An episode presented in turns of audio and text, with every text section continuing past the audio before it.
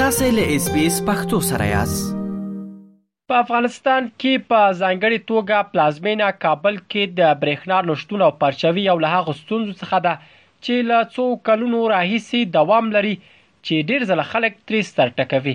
د ژمي پر رسیدو او د هوا په سړېدو سره د کابل په ګډون د افغانستان د اکثرو ولایتونو اوسیدونکو شکایت کوي چې د برېښنا پرچوي ډېره شوې او دې چارې یې په ورځني ژوند کې له ګڼو ستونزو سره مخ کړي دي. د پلازمېنې کابل او ځینو ولایتونو دغه شمېر اوسېدونکي وایي چې په دې شپو او ورځو کې د برېښنا پرچوي ډېره شوې چې دوام یې دوی په ورځني ژوند کې له ګڼو ننګونو سره مخ کړي دي. د کابل ښار اوسېدونکي شاهد له اس بي اس راډیو سره په خبرو کې وویل، هر کال د ژمي په رارسېدو سره د برېښنا پرچوي ستونزه زیاتېږي، شاهد د طالبانو له حکومت څخه غواړي چې په دې برخه کې جدي اقدام وکړي او خلکو ته دې د اړتیا وړ برېښنا وړاندې کړي. په وروستیو کې کابل کې دغه د برق ستونزه یو څه زیاته شوې ده، هر ژمی چې راشي نو کابل کې هم دغه د برق ستونزې وي نو عام ولس چې د دغه له ډېرو ستونزو سره مخ وي نو موږ له حکومت څخه غواړو چې په دغه برخه کې اقدام وکړي او ولسته اړینه برېښنا وړاندې کړي د کابل ښار یو شمېر نور اوسیدونکو هم ورته شکایت لري او په خبره یې د ژمي په سړه هوا کې د برېښنا پرله پسې پرې کېدو دوی ته ګڼې ستونزې جوړې کړي ځکه په وینا یې له برېښنا پرته ګذاره کول ورته ستونزمن دي دوی له حکومت څخه غواړي چې د برېښنا پرچوي ته دې اساسي حل لار ومومي،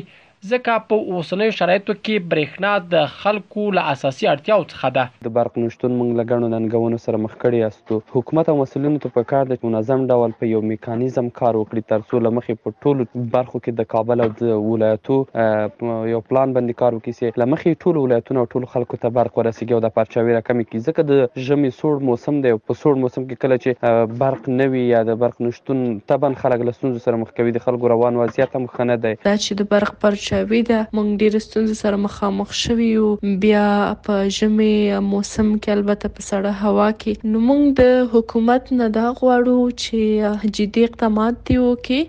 تر څو دغه برق خوشې شي او زموږ دغه مشکلات او ستونزې حل شي. بلخوا د ننګرهار ولایت اوسېدونکې بنفشه هم له ورته ستونزې شکایت کوي او وايي، په اوس وخت کې یوازې څو محدوده ساعته برېښنا لري چې دې کړنې د ژوند ورځنۍ چارې هم ورته ګرانې کړې دي.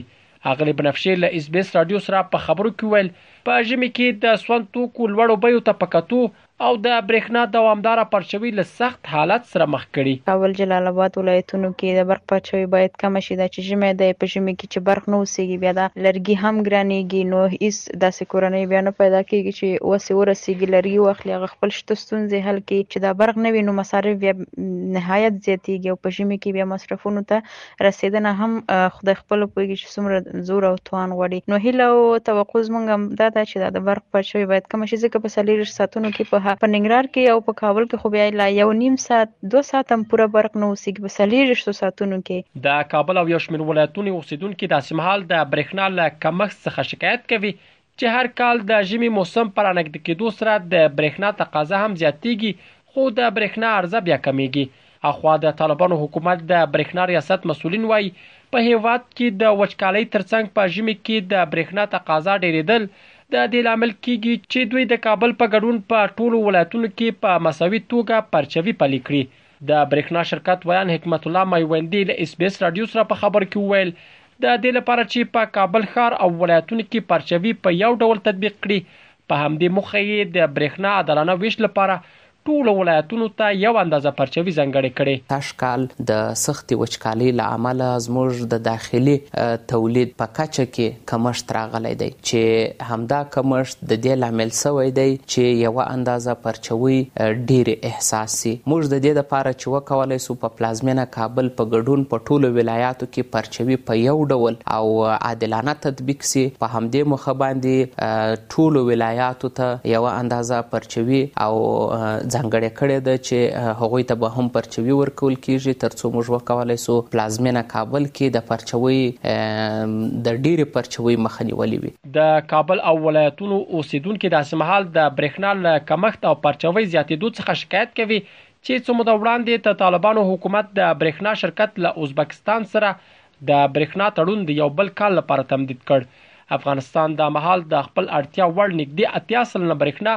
له ګاونډیو هېوادونو واردوي او له دې درکه هر کال په میلیونونو ډالر ګاونډیو هېوادونو ته ورکوي چې ډېر کله د برېښنا د واردوونکو هیوادونو کې د برېښنا تقاضا له زیاتېدو سره یې بهیر ټکنی کیږي